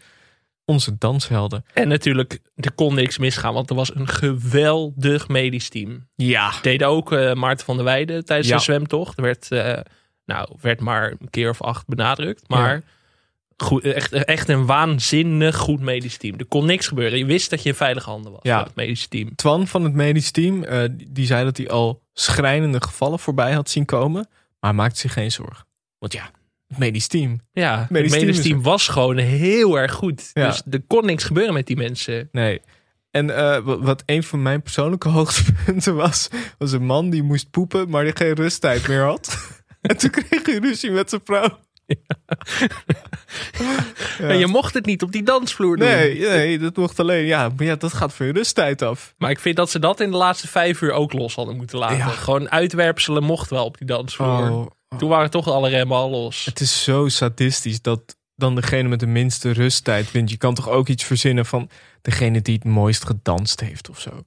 Ja, ik vind het echt 35 minuten rusttijd op 50 uur dansen. Dat is echt, echt niet goed. Eh, tussendoor werd, werd steeds laten zien dat je... Ja, je kon trouwens ook de mensen thuis konden een reis naar Disneyland Parijs winnen. Is wat je wil natuurlijk. Dat is wat je wil. Ik zat wel te denken, krijgen ze dan VIP-toegang? Of moet je wel gewoon... Nee, nee, nee, dat niet denk ik. Nee, dat is toch ook wel Je wordt gewoon afgezet voor Disneyland Parijs. Dan moet je zelf de kaart kopen. Ja, aan het einde werd het echt een slagveld. Er waren twee mensen die moesten uiteindelijk per eh, brancard worden afgevoerd. Ehm, Maar een geweldig medisch team. een geweldig medisch team. worden. Ja, als je dan toch afgevoerd wordt op een brancard, dan maar door eh, de man die ook Maarten van der Weijden heeft eh, begeleid. Ehm, in de laatste, het laatste uur waren er nog twintig koppels aan het dansen. Nou, ik vond dat echt nog veel. Vond ik krankzinnig veel. Ja. Ik had niet verwacht dat iemand het uit zou dansen eigenlijk. meer dood dan levend. Ja. Dat moet gezegd worden. Ja. Eh, wat ik misschien wel het meest pijnlijke moment vond, was dat er was een nummer van Snollebollekes bezig, naar links, naar rechts. En terwijl Snollebollekes riep, oh dat wordt weer een zooi, zag je een vrouw knock-out liggen op de dansvloer. Toen was- werd, er, Heel ongelukkig van de regie ook. toen werd er snel weggeschakeld. Toen werd er geschakeld naar Jan Versteeg. En die dacht, eh, pff, laten we dat maar even niet benoemen. We gaan gewoon naar de reclame. Ja, Ja, dat dacht de regie natuurlijk. Maar ik dacht van, maar het was misschien goed om eventjes te zeggen van... het gaat goed met deze vrouw of ze, ze is in goede handen. maar nu kregen we gewoon eh, zonder schermen en eh vriendenloterij reclames. Ja, maar ja, Ja. medisch team van 56 mensen. Hè? Het medisch team was zo goed dat ik wel wist dat het goed Ja, zat. precies. Ja. Ja, nee, kijk, dan kom je ook het ziekenhuis in en dan ja, krijg je ook voorrang omdat het zo'n goed medisch team is. ja, maar die hadden ook helemaal, die hoefden niet naar het ziekenhuis, want het medisch team was nee, zo waanzinnig zo. goed. Dat is ook zo. Het laatste nummer was Last Dance van eh, Donna Summer. kan je op meerdere manieren interpreteren. Eh, daarna stortte iedereen ter aarde. Eh, je zag lege blikken. Je zag vooral, ja, echt, er gebeurde echt nog vrij weinig in die lichamen. Het was echt een beetje verontrustend. Maar toen kwam de grote verrassing. Kijk, er is natuurlijk maar één winnaar. Maar alle overgebleven koppels mochten een weekend lang naar Disneyland Parijs. Ze hadden al 100 euro betaald. Eh, dus dat moet je een beetje van afdenken. Maar ze mochten allemaal naar Disneyland Parijs. En dat vind ik het wel waard, dat je vijf Ja. op de dansvloer Ja, vind ik ook wel. Ja. Vind ik ook wel. Ik Dat- bedoel, ze hadden ook naar de Efteling kunnen, gestuurd kunnen worden. Hè? Nee. Het is wel internationaal. echt Disneyland Parijs. Twee keer de grens over. Vervolgens werden de laatste drie koppels bekendgemaakt. Dat waren Maria en Toon. Toon, oftewel Elvis. Ja, ja, ja. ja, ja. Tawata en eh Jermaine en Linda en Mesam. En uiteindelijk werden de winnaars Tawata en Jermaine, die dus maar slechts 35 minuten hadden, eh, rust hadden genomen. Ja, ik denk dat je hier ook wel ziet wat 50 uur dansen met je doet als je 35 minuten rust neemt. Ik ga jou heel even laten, als je het goed vindt. Jermaine, hier zijn we gaan naar Japan. Ja, we wilden echt heel graag naar Japan. Vanwege de cultuur. En... Sorry, ja, mijn stem is een beetje brak. Het, je hoeft echt geen zooi te zeggen, echt niet. Maar eh, nee, het is niet alleen Japan. Eh Jermaine gaat op zichzelf wonen. dus het is voor een huis. Ik eh, doe onderzoek naar ehm ehm, zenuwletsel bij mensen die motorongeluk hebben. Dus mijn geld gaat ook deels daar naartoe. Wow. Fantastisch. Jermaine was opvallend fris nog. Voor iemand die net 50 uur had gedanst eh, Mhm. zonder te slapen. Tawata had het eh, ja, begrijpelijk wat moeilijker. Ze vertelde wel nog dat ze onderzoek doet naar mensen die zenuwletsel hebben. Dus eh, haar geld gaat deels daar naartoe. En ik dacht, oh, deze twee mensen zijn echt goed voor deze wereld. Ja. Toch, dat je dit, ja. Nou, dat ze nog zulke vriendelijke woorden eruit kregen, da- daar had ik nog het meest respect voor. Maar het was echt, na afloop was het echt een, een, het was echt een slagveld. Er waren echt mensen aan het huilen. Mensen die nauwelijks meer wisten waar ze waren. Iedereen had pijn. Eh, tussendoor waren er dus al mensen, zoals gezegd, in brakaars en eh, rolstoelen afgevoerd. En dat was dus de dansmarathon. Had jij, had jij niet, was jij ook teamtoon? Ja, ik was wel ja, ik vond ze alle drie eh, sympathiek. Vooral Ja. toen ik hoorde dat zij dus ook eh, dat onderzoek deed, dacht ik, nou terecht. Maar natuurlijk, eh Toon en Maria, de oudste deelnemers, boven de 60, vond ik toch wel echt een eh, prestatie. Waren er ook heel goed aan toe. Ik las ook in een interview met het Eindhovense Dagblad dat ze een dag na de dansmarathon zeiden ze van eh, we zouden zo weer aan de gang kunnen. Ja? En dat is toch ook 2009 werden zij Nederlands kampioen Boogie Woogie. Wat leuk. Lid van dansclub de Thunderbirds. Ik bedoel, die kunnen gewoon weer losgaan. Ja. En hun geheim, heel veel uren achter elkaar thuis dansen. Ik denk dat zij thuis gewoon 75 uur hebben geoefend achter elkaar. Mhm. Gewoon thuis niet slapen. Dat, misschien is dat het geheim. En een ander geheim, water, half bakje koffie en een fruitje. Ja. Zo doe je dat. Heel goed. Maar ik had toch wel mijn sympathie lag wel bij hun. Toch wel. Iedereen natuurlijk op internet. Dus dan is al niet meer cool eigenlijk. Maar ja, ik hoopte stiekem toch dat zij gingen winnen. Maar wat je zei, ze waren alle drie heel sympathiek. En ja, dit was er ook niet het programma naar dat je even lekker op de bank zit van nou, ik vind eh, stel eh, 48 toch kut. Ja, nee. dat kon ik niet meer over mijn hart verkrijgen op een gegeven moment. Nou goed, toen de stofwolken waren opgetrokken, was er behoorlijk wat eh, kritiek. En er werd ook wat meer duidelijk over hoe dit programma tot stand is gekomen. De Volkskrant had een heel goed artikel erover. Echt het meest bizarre vond ik nog wel dat eh, John de Mol tien jaar geleden op, dit, op het idee kwam voor dit programma. Toen hij eh, de film They Shoot Horses, Don't They zag. Eh, dat is een film eh, die gaat over wanhopige mensen die ten koste van alles een geldprijs probe- k- proberen te winnen. door zo lang mogelijk te dansen. En die wedstrijd die zo hevig dat er uiteindelijk doden vallen. Het gaat dagenlang door. Ja, dergelijke dansmarathons vonden ook echt plaats. Bijvoorbeeld tijdens de grote depressie van de vorige eeuw. Eh, behoorlijk grimmig. Ja, het is niet waarvan ik denk, hey, dat is een goed uitgangspunt voor een entertainmentprogramma. Ik hoop niet dat iemand eh, hem ooit de Hunger Games laat zien. Dan denkt hij van, nee, dat is een leuk format. Nee, ja, ik bedoel, de vergelijking met Squid Game werd natuurlijk ook tot in het Ja, gemaakt dit ja. weekend. Zo erg dat het vervelend was dat ik bijna sympathie kreeg voor John de Mol. Maar dat, dat, dat, dat dan ook weer net niet. Maar ja, wij bleven er toch al naar kijken. En ik zag een quote van eh, Linda de Mol. Die zei bij Radio 538... Ik bleef als een gebiologeerd konijn heel lang kijken. En dat waren wij natuurlijk ook in zekere zin. Ja, zeker. Want eerst dacht ik, hey, dit is geinig. Er gebeurt geen fuck, maar het is wel... Ja. Het heeft alle, eigenlijk alles wat wij leuk vinden in de podcast. Mhm. Al die cult verenigt dit programma. Dat je René Leblanc daar ziet optreden.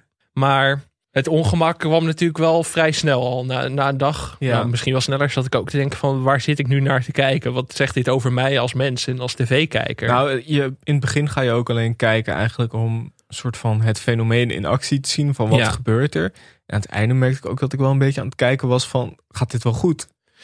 Eigenlijk een beetje zoals eh, mensen naar het glazen huis kijken, maar dan nog minder, zeg maar, dan wat minder vrolijk. Maar dat is dan nog met radio-dj's, dus dat maakt dan al minder uit dan natuurlijk bij gewone koppels. Ja, en die mochten tenminste nog drinken wanneer ze wilden.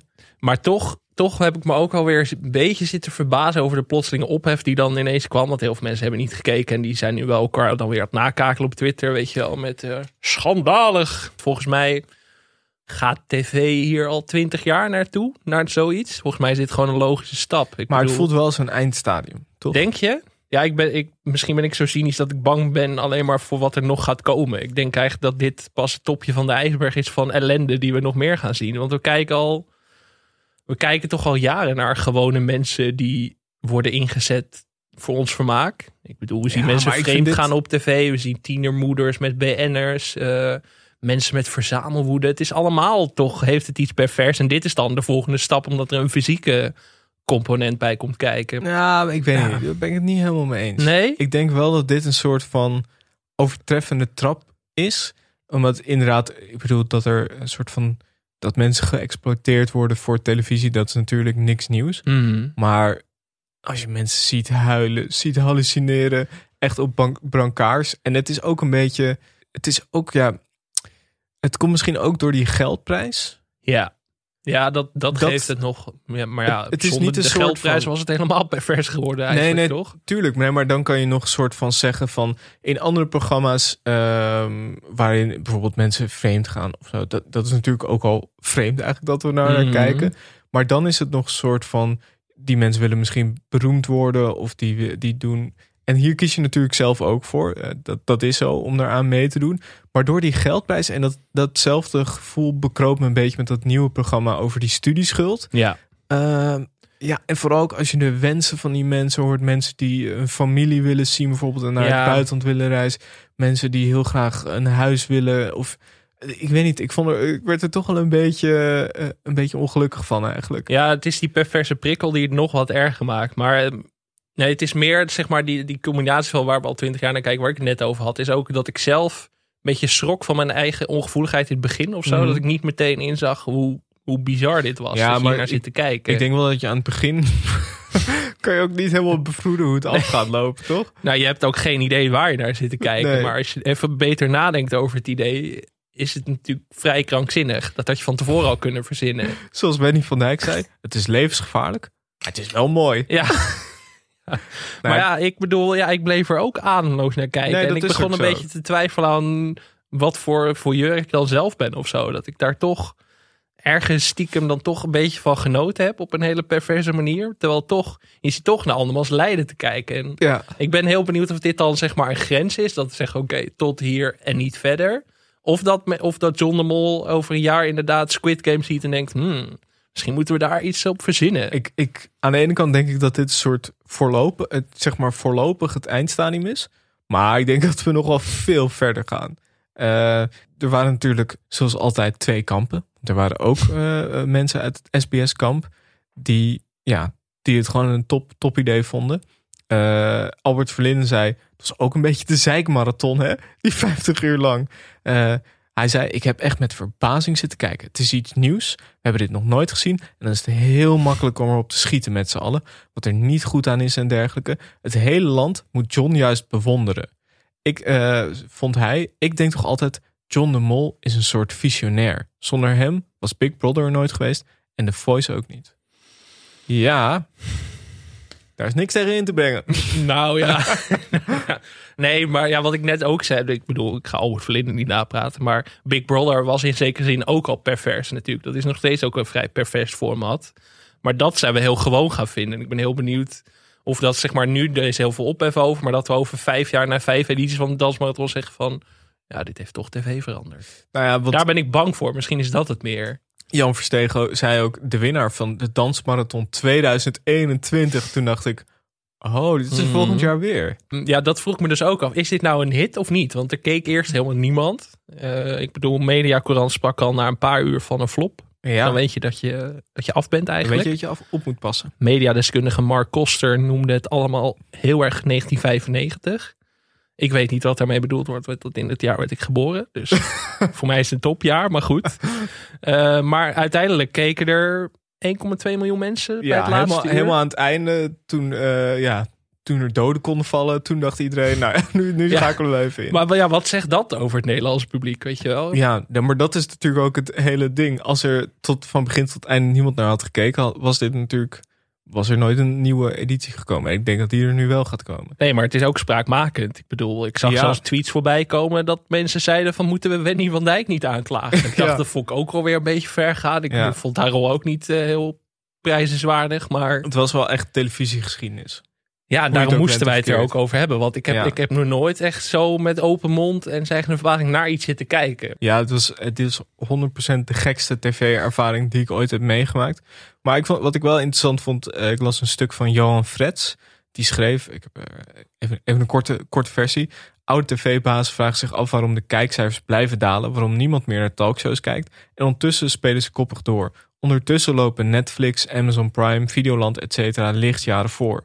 Met durf, brani, oorspronkelijkheid en bovenal vertrouwen in makers en in de intelligentie van hun kijkers.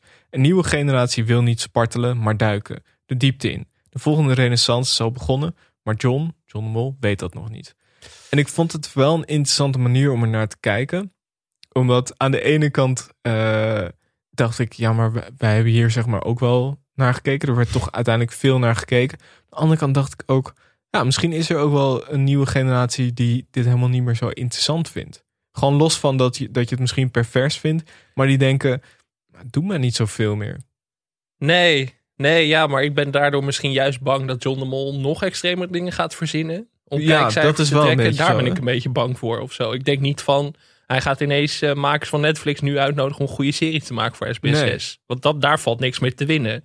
Het valt te winnen volgens mij in ophef en spraakmakende items zoals de dansmarathon. Ja, ik ben eerder bezorgd over wat dit betekent, zeg maar. eh, Want ja, wat je er ook van vindt, het heeft toch de tongen losgemaakt. En ik ben gewoon heel benieuwd wat dit dan betekent voor de toekomst van tv. Ja, dat, denk, dat, dat vind ik ook wel interessant. Ik denk inderdaad dat het wel, dat hier gewoon, zeg maar, iedereen heeft het hier natuurlijk in Ja. Hilversum op maandagochtend over. Mhm. En ik denk toch dat heel veel mensen denken, nou, daar wordt toch wel het hele weekend over gepraat. Ja, en is dat belangrijker? Want de ethische normen had al gesteld moeten worden toen dit concept bedacht werd, eigenlijk toch? Ja. Dus ik denk niet dat ze nu denken van.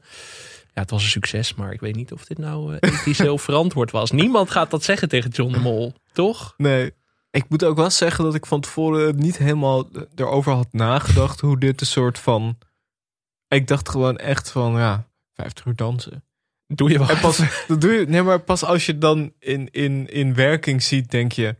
Oh ja. Maar het waren Oh. ook die regels die het echt. Maar Ja. dat, dat was eigenlijk het meest kwalijke. Er misschien nog aan dat er heel veel regels in zaten. Van, ik dacht, ja, jongens, kom op. vooral, ja. dat maakte het echt een beetje misselijk maken op een gegeven moment. Vooral als ik dan weer naar die scheidsrechter zat te kijken. En die dan soort van als een soort machtswellusteling dan naar, de, naar iemand van 60 stond te kijken die niet meer dansen. Van, hey, wat doordansen hè? Ja, ja. Dan dacht ik al van, oké, we hebben nu al misschien het uitgespeeld. Ja. Wat je kan, mensen kan aandoen op tv. Maar daarom was dit wel een hele louterende ervaring of zo. Ja.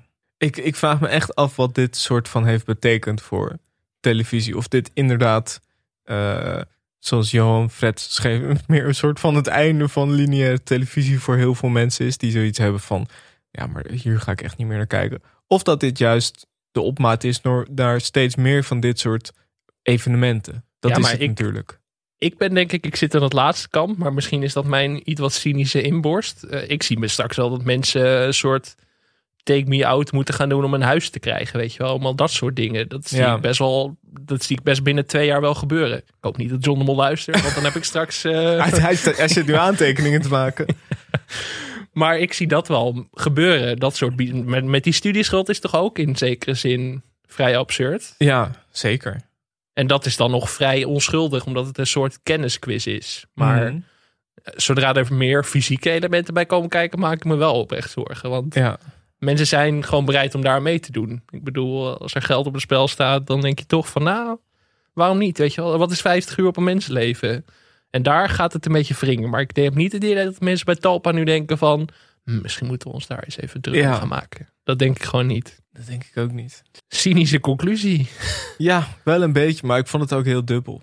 Dus Ja. ik heb er gewoon, eh, ik heb ook bij tijd en wijle heel erg om gelachen. Ja, maar wij zijn dus in zekere zin ook een soort perverselingen. In die zin toch? Want wij hebben er ook, ik, wat ik net zei, wij hebben er ook van genoten. En over maar is dat ook niet een beetje mensen eigen? Ja, tuurlijk. Ja, je kijkt, we kijken toch gewoon heel graag naar andermans ellende ook. Ja. Alleen dit is misschien in de, me- in de meest extreme vorm die ik ooit heb gezien. Ik ben ook wel benieuwd of dit in het buitenland opgepikt gaat worden. Ik hoop het niet eigenlijk.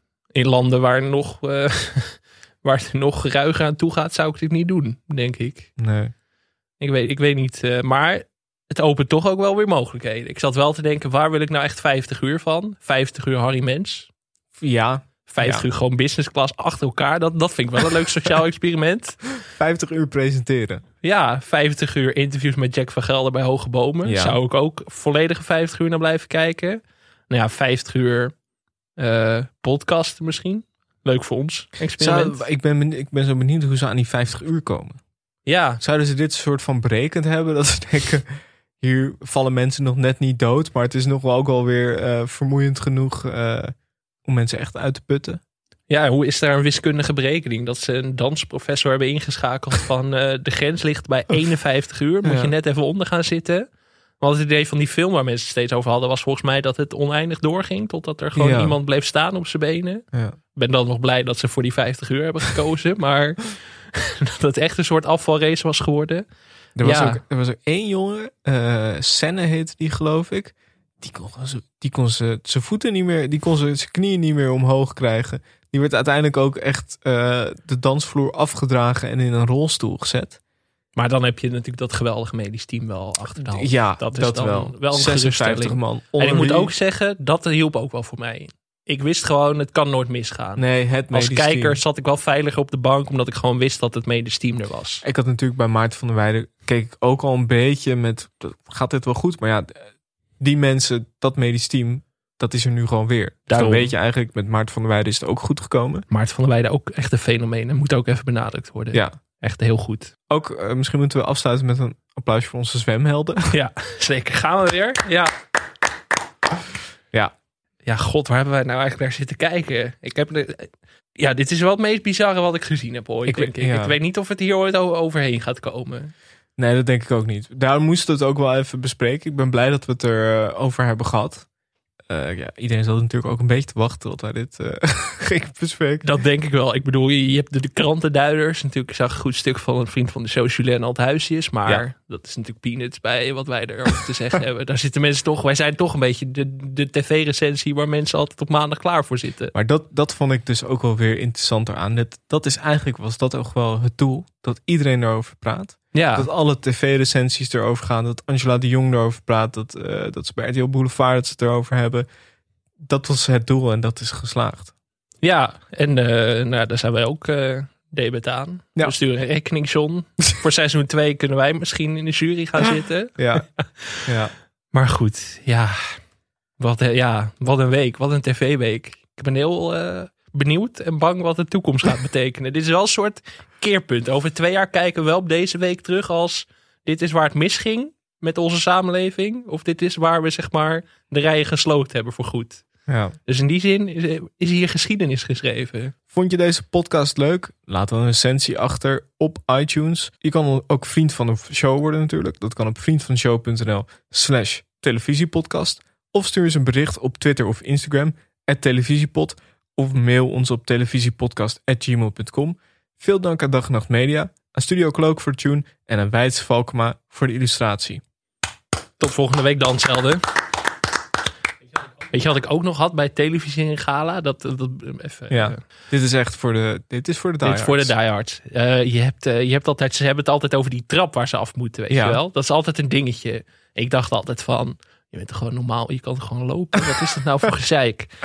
De, daar ben ik heel erg van teruggekomen, want ik ging donderdag naar de bioscoop, weet je wel, wat, wat ik vaker doe. Ja. En ik was naar de film Halloween Kills. Geen aanrader, maar ik was Nee. wel één. En ik, eh, ik loop die zaal uit. Hoge trap bij Oh, Pathé nee. de Munt. Ja, en ik voelde het misgaan. Ik bleef hangen onder een drempeltje.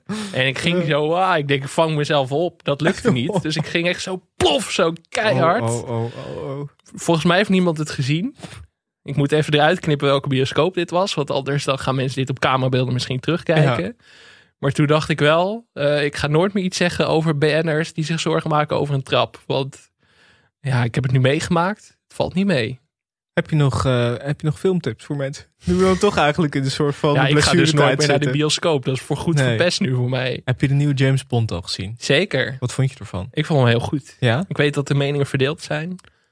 Bond, eh, zeg maar, ik, vind- ik ben fan van emotionele Bond. In plaats van Oh, ja. de, de wat meer domme Bond van vroeger. Ja, ja. Dat is, is een beetje een hot take, maar... Ik moet hem nog zien. eh, eh, ik eh, heb nog geen... eh, zoals James Bond geen tijd heeft om dood te gaan... had ik nog geen tijd om eh, naar zijn film te gaan. Maar ik ben benieuwd. Zeker. En voor de rest eh, ja, heb ik niet echt een Nummer filmtip. Nummer 10? Nummer 10 is heel goed. Maar nummer 10 is ook wel niche. Alex van Warmerdam.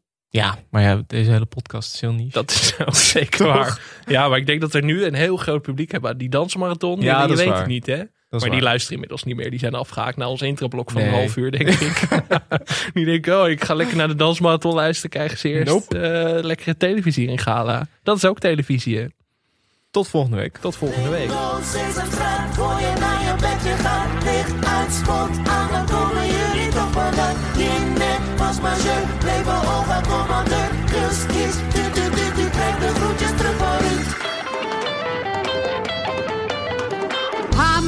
Betty Bart, Bart de Graaf en Omroep Zwart. Carlo en Irene halen zo een team voor taal. Spoorloos, sterrenslag, DWDD elke dag. Soms dan moet ik huilen bij het NOS-journaal. Lang leven